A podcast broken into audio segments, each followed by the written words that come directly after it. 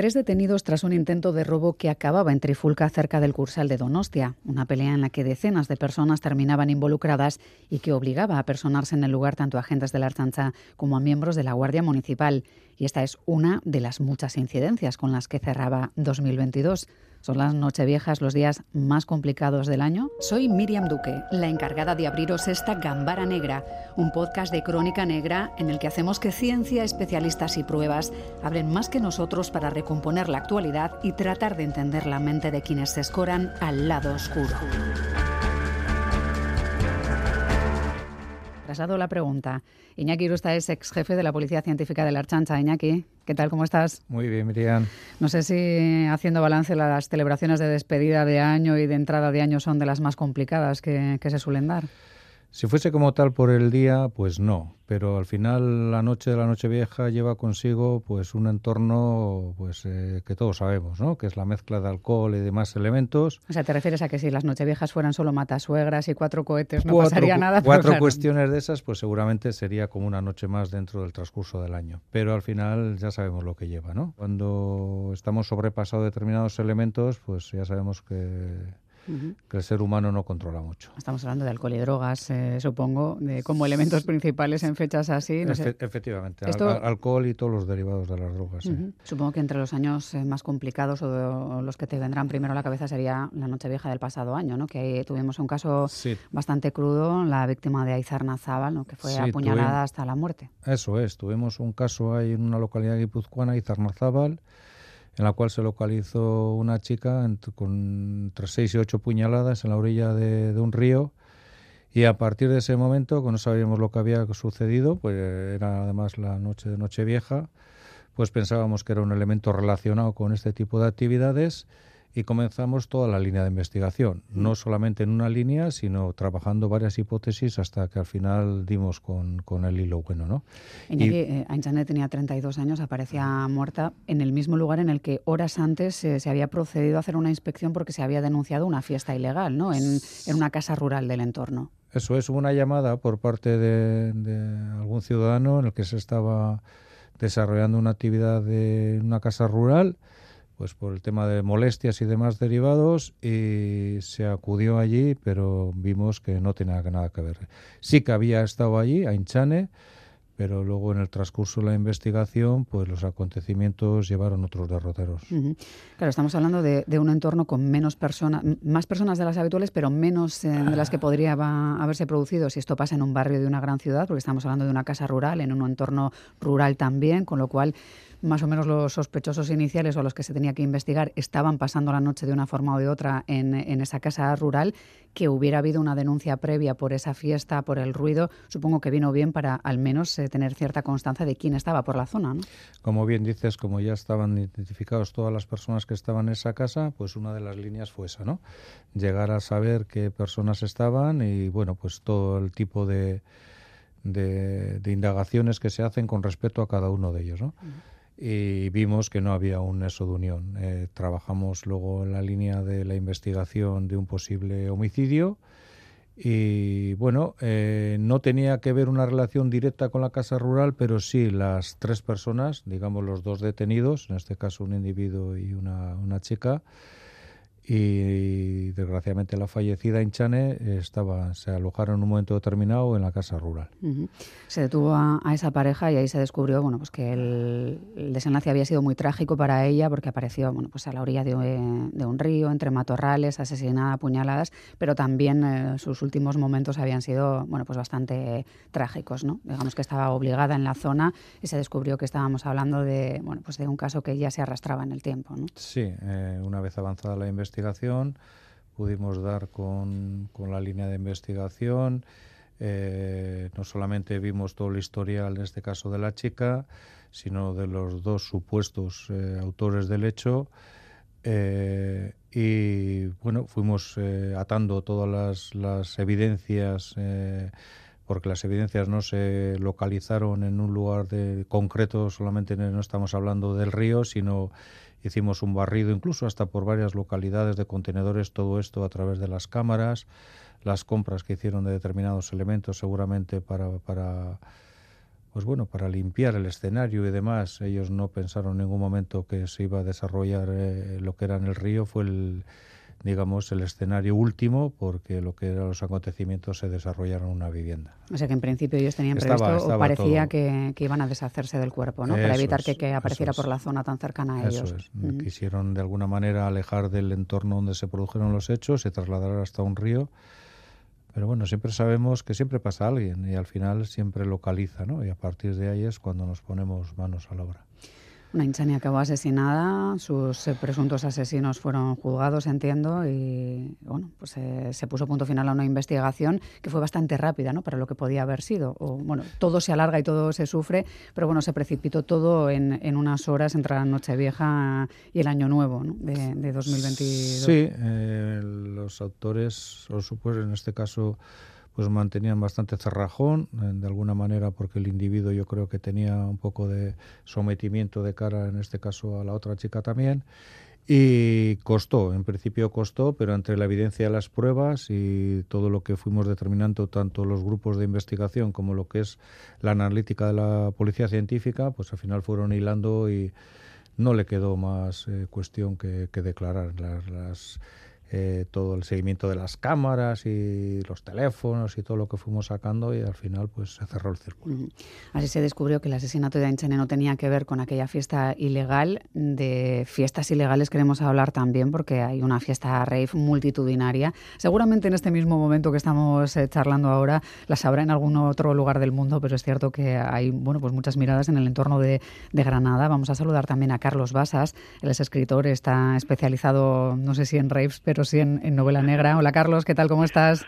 Hola, ¿qué tal? Las raves me quedan un poco lejos. Te quedan un poco lejos, ¿no? Por, por edad. Bueno, eh, se, se, hacía un barrido también en las cámaras y es verdad que la gente no era demasiado joven, pero bueno, por encima de los 30, 40 ya había mucha gente también ahí. No sé si...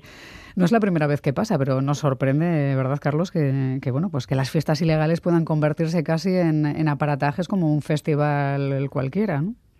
Sí, bueno, incluso a veces ya con camiones con escenario, megafonía, etcétera, ¿no? Que bueno, parece, parece mentira porque muchas veces vienen anunciadas eh, por redes, que son cauces que también, pues bueno, a los que puede tener acceso la policía. Lo que pasa es que una vez están montadas, el problema de orden público que tienes si ordenas un desalojo puede ser mayor que eh, si decides que, que, bueno que dejarlos hasta que se cansen y luego irlos echando poco a poco, ¿no? Claro, porque hay algunas de las imágenes que se están viendo en, el entorno de ese pequeño pueblo rural de, Granada que tiene alojados ahora pues a unas mil personas se calcula, sobre todo europeos, o sea que han venido de lejos, eh, así que de alguna forma se, se, hizo buena publicidad de este evento, que recuerdan algunas imágenes a, la, aquella ruta del bacalao de, de otros tiempos también, Carlos, ¿no? Porque claro, cuatro o cinco días de fiesta uno no, no sobrevive solo meditando. No, está claro. Eh, se, se concentran y se conectan a través de las redes sociales, eh, quedan en un día, en un sitio. Eh, lógicamente, alguien previamente ha, ha, visitado el, lugar y, a partir de ahí, pues se monta, se monta la fiesta, ¿no? Y, la verdad es que algunas juntan a una cantidad de gente que, que, a veces da, da miedo, ¿no? Por, por, lo que decís, porque hay una combinación de, de sustancias, de drogas, de alcohol, eh, y en ese tipo de raves eh, nos podéis hacer una idea de la cantidad de drogas diferentes que, uno se puede llegar a encontrar. En cualquier momento veremos una rave, Iñaki, en la que haya también eh, ambulancias, ¿no? que aunque sean privadas de seguros privados, porque es que había unos 300 vehículos, el escenario, como decía, y lo que parecía una carretera que, bueno, pues que se mencionaba reiteradamente por los vecinos que eso era un terreno sembrado hasta hace aproximadamente cinco días, ¿no? y que se ha convertido en una carretera bien aplastada a base de que estén pasando ininterrumpidamente vehículos por la zona. ¿Por qué no se puede desalojar de ninguna forma? ¿Cómo se tiene que perimetrar para dar salida a, los que participan en esta fiesta? Como bien decía Carlos, pues al final no puede ser peor el remedio que la enfermedad. Entonces, por lo tanto, estamos hablando de gente, de, grandes concentraciones de personas y con un conglomerado de alcohol y drogas, si entrásemos a saco, pues el problema sería grave. Por eso lo que se va haciendo es una salida paulatina con una verificación y comprobación de, esas personas y ver de su estado cómo se encuentran. A partir de ahí, pues se hace un desalojo eh, tranquilo, ¿no? hay veces que dura hasta días, digamos, eh, se va Hay que esperar a que se agote, no se les acabe la comida. No, no, hasta que se agote eh, las verificaciones y comprobaciones de las personas que van saliendo del escenario. Se marca una salida, una ruta de ahí y a partir de ahí se hacen las comprobaciones que haya que hacer y las indagaciones y en algunos casos seguramente las sanciones importantes. Y como también comentaba Carlos, pues como todo eso se transmite a través de las redes, pues efectivamente sí que localizamos dónde se hacen esas concentraciones, alguien quién es el organizador, ¿no? O la organizadora. quiénes son los responsables de los mismos y luego pues eh, se les da la bonificación correspondiente y bueno pues pero como al final la inversión del tema con la sanción pues parece que suele salir rentable pues ya tenemos conocimiento de gente de esas pues que terminado en uno ya está pensando en, preparar otra, efectivamente. Bueno, nosotros no vamos a llegar a ser fiesta multitudinaria, pero vamos a seguir sumando gente.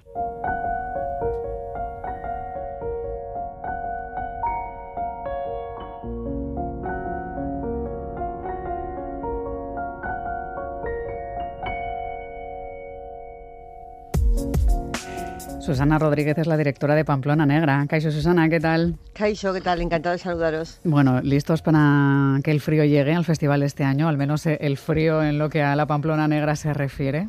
El frío creo que nos lo van a tener que traer de fuera porque tenemos un tiempo absolutamente extraño en Pamplona, pero nos vamos a traer unos autores nórdicos que nos van a congelar con sus eh, historias seguro. Eso es, porque estamos ya presentando la que va a ser la edición de 2023, eh, titulada La novela que surgió del frío con un pingüino armado.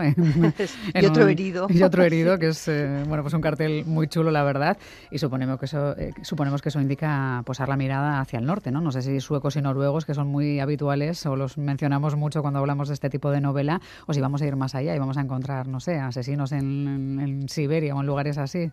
Bueno, la verdad es que la, novela negra nórdica nos ha puesto eh, asesinatos y asesinos incluso en la tundra. O sea, eh, no hay no hay fronteras para, para, el mal, para los crímenes.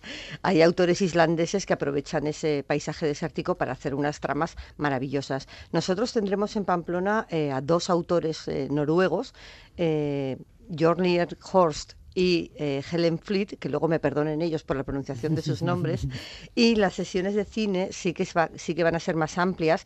Va a haber una película islandesa, una, una danesa y una sueca. Es decir, el frío va a entrar por, por todas partes, por decirlo de alguna forma.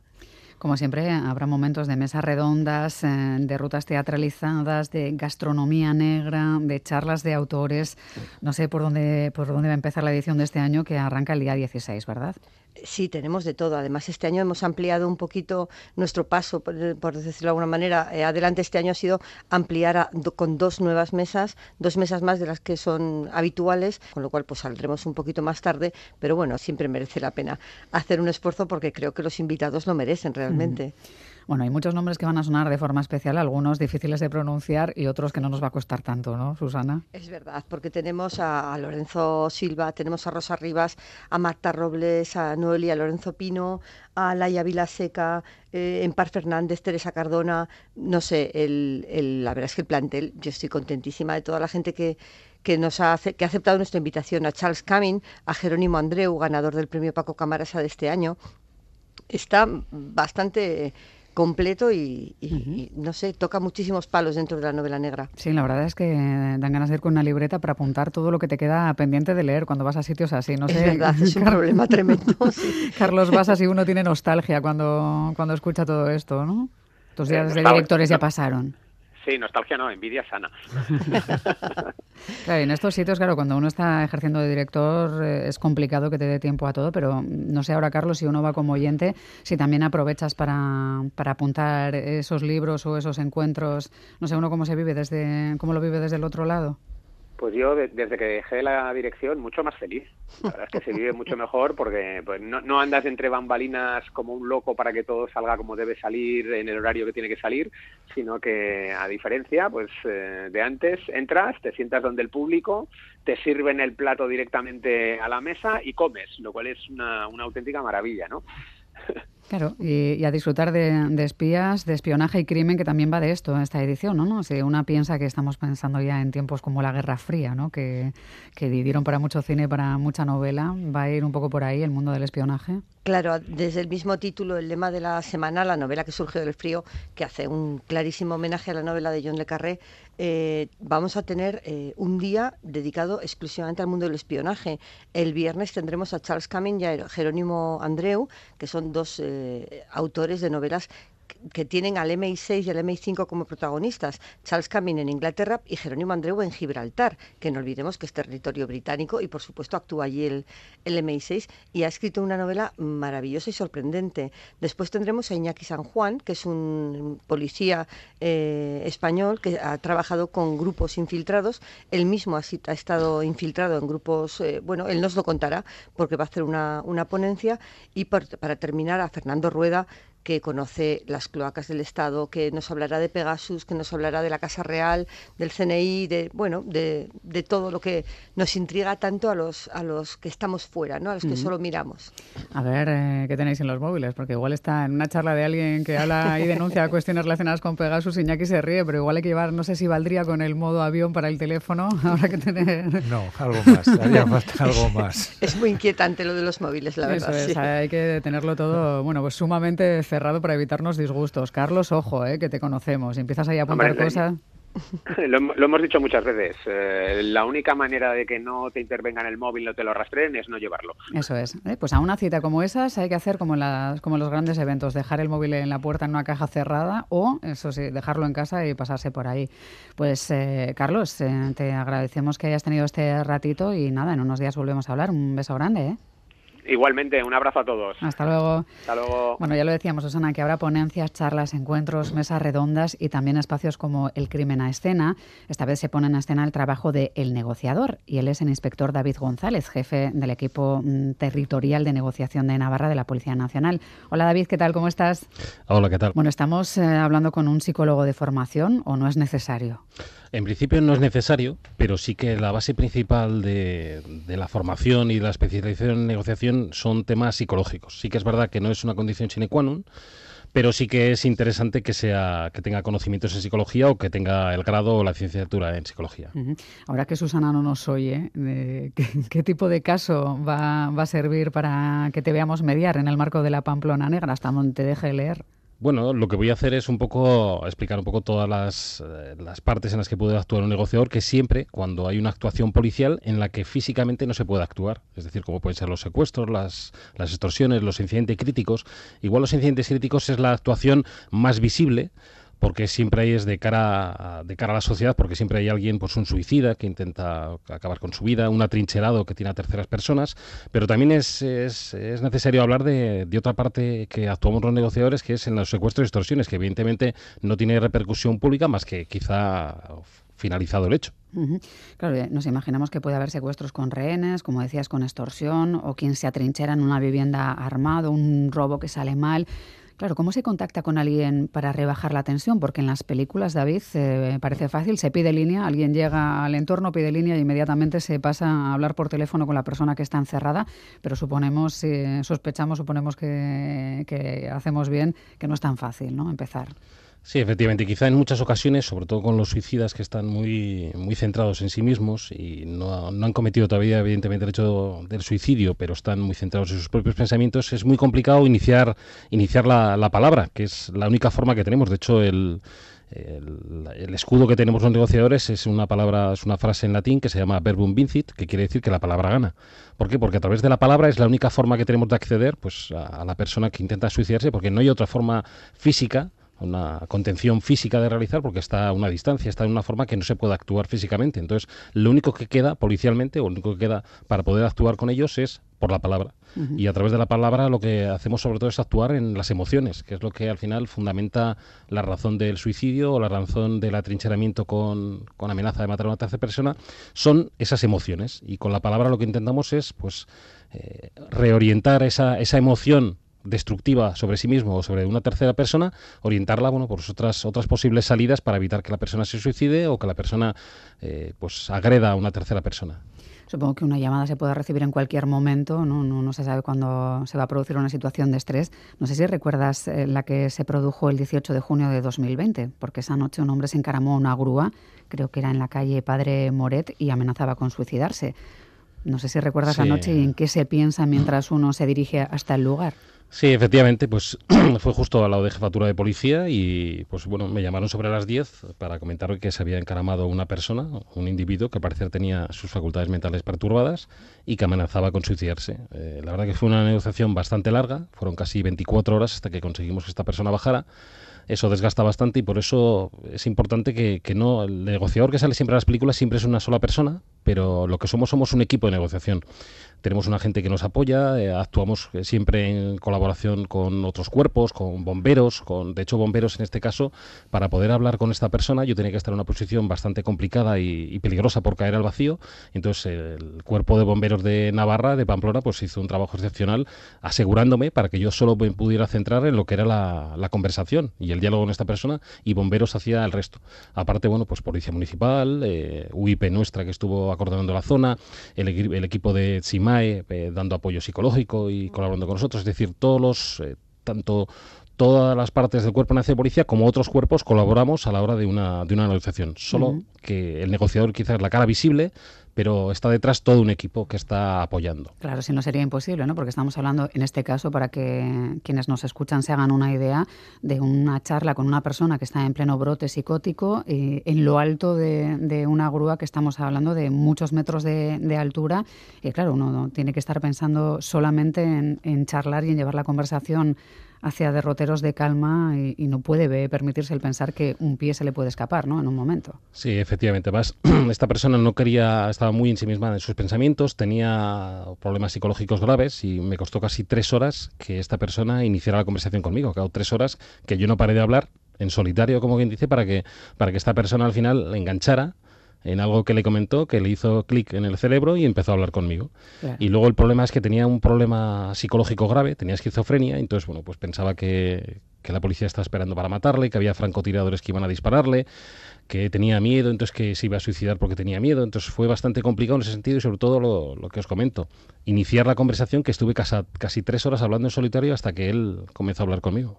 Claro, eh, supongo que en esas tres horas alguien te iba pasando información, ¿no? Que se va buscando un poco en el entorno de la persona que está, en ese caso en una grúa, pero pues que puede estar en, una sucursal bancaria, bueno, pues porque un robo ha salido mal, para dar con la clave, ¿no? Para encontrar una hija, un amigo, una madre, un padre, alguien, ¿no? Que, pueda darte una clave para tratar de volverle a, bajar a tierra o, retomar sus emociones. Sí, efectivamente, pues como os comentaba hace unos minutos, eh, hay todo un equipo que está detrás, detrás mío sacando información y hay un equipo específico de investigación que lo que hace es recabar toda esa serie de, de temas, de bazas que le llamamos nosotros para intentar retomarla, hacer que la, que la persona hable con nosotros y ver cuáles son los puntos flacos, digamos, emocionalmente para poder hacer que esta persona baje. En este caso concreto, pues tenía un amigo que había venido con él a Pamplona, porque esta persona venía de fuera, venía de, de Bélgica, creo, iba hacia Barcelona, había parado aquí en Barcelona cuando le había dado, en Pamplona, perdón, cuando le había dado el brote psicótico.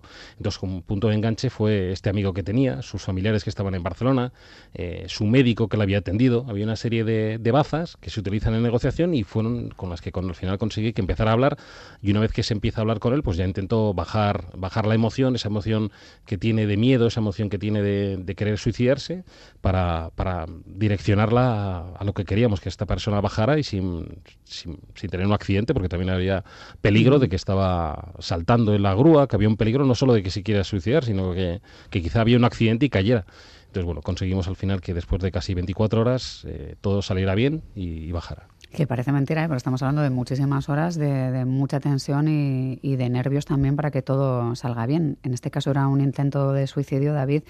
¿Cuál es el operativo que se implementa si es un secuestro o una extorsión, por ejemplo. No sé si las bazas son las mismas. Claro, será más difícil apelar a la humanidad de, esas personas, ¿no? Hay menos información. Sí, efectivamente. La, diferencia principal entre los secuestros, extorsiones y el incidente crítico es que en el incidente crítico el foco del incidente sabemos dónde es. Pues dónde está el suicidio, dónde está el atrincherado. Sin embargo, en el tema de secuestros y extorsiones no sabemos dónde está el foco. Es decir, porque se están produciendo llamadas o correos o mensajes eh, sin conocer exactamente dónde está ubicada la la, persona que está secuestrada y la persona que está hablando por, por boca de los secuestradores. Entonces, sobre todo, eh, son dos bazas principales las que utiliza el negociador. Por una parte, intentar recabar la mayor cantidad de datos para que el grupo de investigación localice a dónde está las personas, la persona secuestrada y por otra, pues rebajar la pretensión económica y, aguantar el máximo de tiempo posible hasta que los grupos operativos de investigación localicen a la persona y la liberen. David, claro, igual es una pregunta muy personal, pero no sé si la formación supongo que es, eh, es, clave, es importante. No sé si pesa más tener nervios de acero en situaciones así o una capacidad de empatía que te lleve a, intentar conectar incluso con personas eh, cuyo comportamiento no nos gusta en absoluto. Buscar la forma de conectar con esa empatía. Sí, efectivamente. Hay una frase que se dice que se estudia en negociación, que es lo que, lo que determina cómo, cómo se es un buen negociador, que es socialmente cálido, emocionalmente frío. Es decir, una persona que tenga capacidad de empatía, capacidad de hablar, capacidad de contactar con terceras personas, de generar esa, esa empatía, esa ese, contacto con terceras personas, pero que a su vez no le afecte emocionalmente para poder, bueno, pues eh, si lo que queremos es modificar las emociones con la palabra de una tercera persona, no nos pueden, no nos pueden hacer daño con esas emociones que estamos viendo en esa tercera persona y poder, pues lo que os comento, intentar que esta persona baje esa emoción o, al menos la modifique en lo que queramos nosotros. Porque en el caso de un secuestro, por ejemplo, claro, tenemos que pensar que la persona que está implicada, porque está recibiendo ese tipo de, de llamadas, no es capacidad de separar sus emociones de la razón, de lo que hay que hacer de verdad. Y claro, ahí pivota en, un equipo como pueda ser el, el vuestro. ¿Os cambiáis o os turnáis cuando es muy largo para...? Porque claro, me imagino que es extenuante estar 22 horas, más allá de que haya un equipo muy largo, hay turnos para, para manteneros fríos, que en caso de que algo se esté alargando demasiado en el tiempo.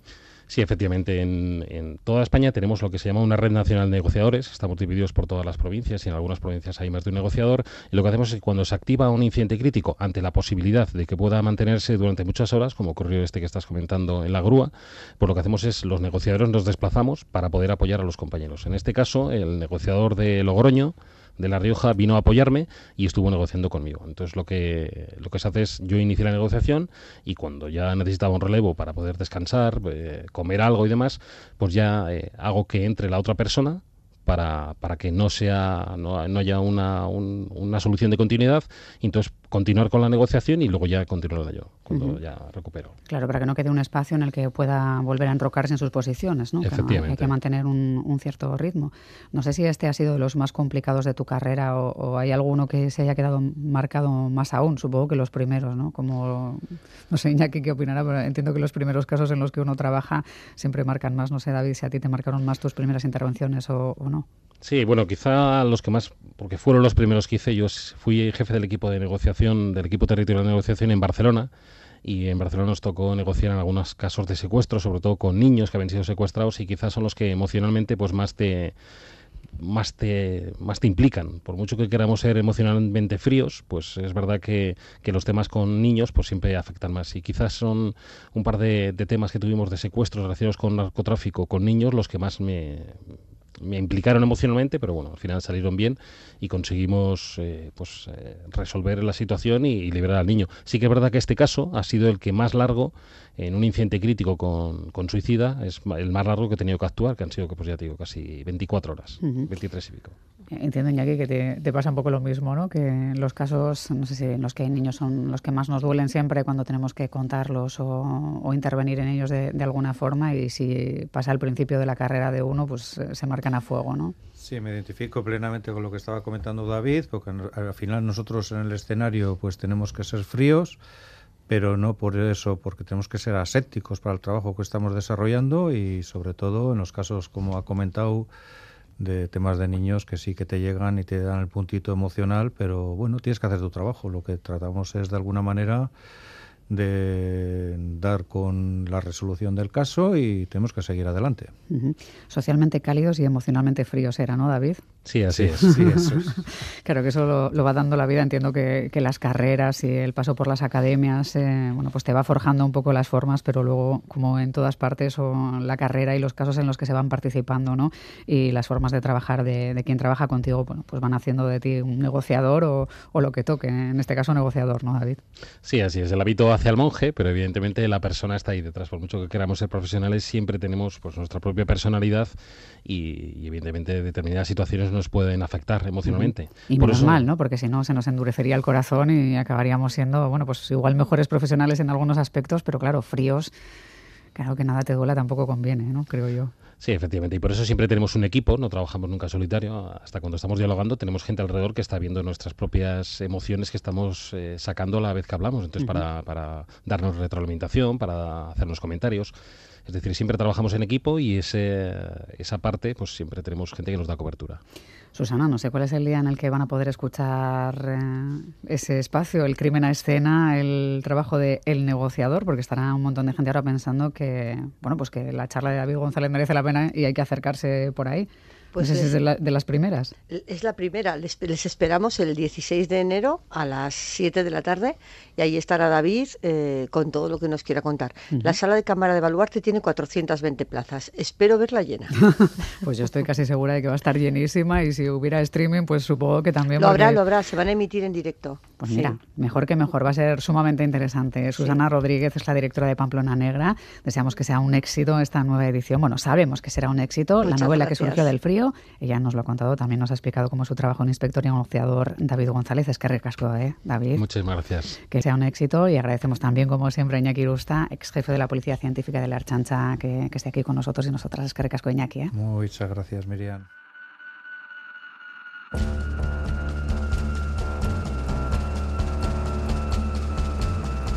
Gambara Negra, el podcast de crónica negra e investigación de EITB Podcast.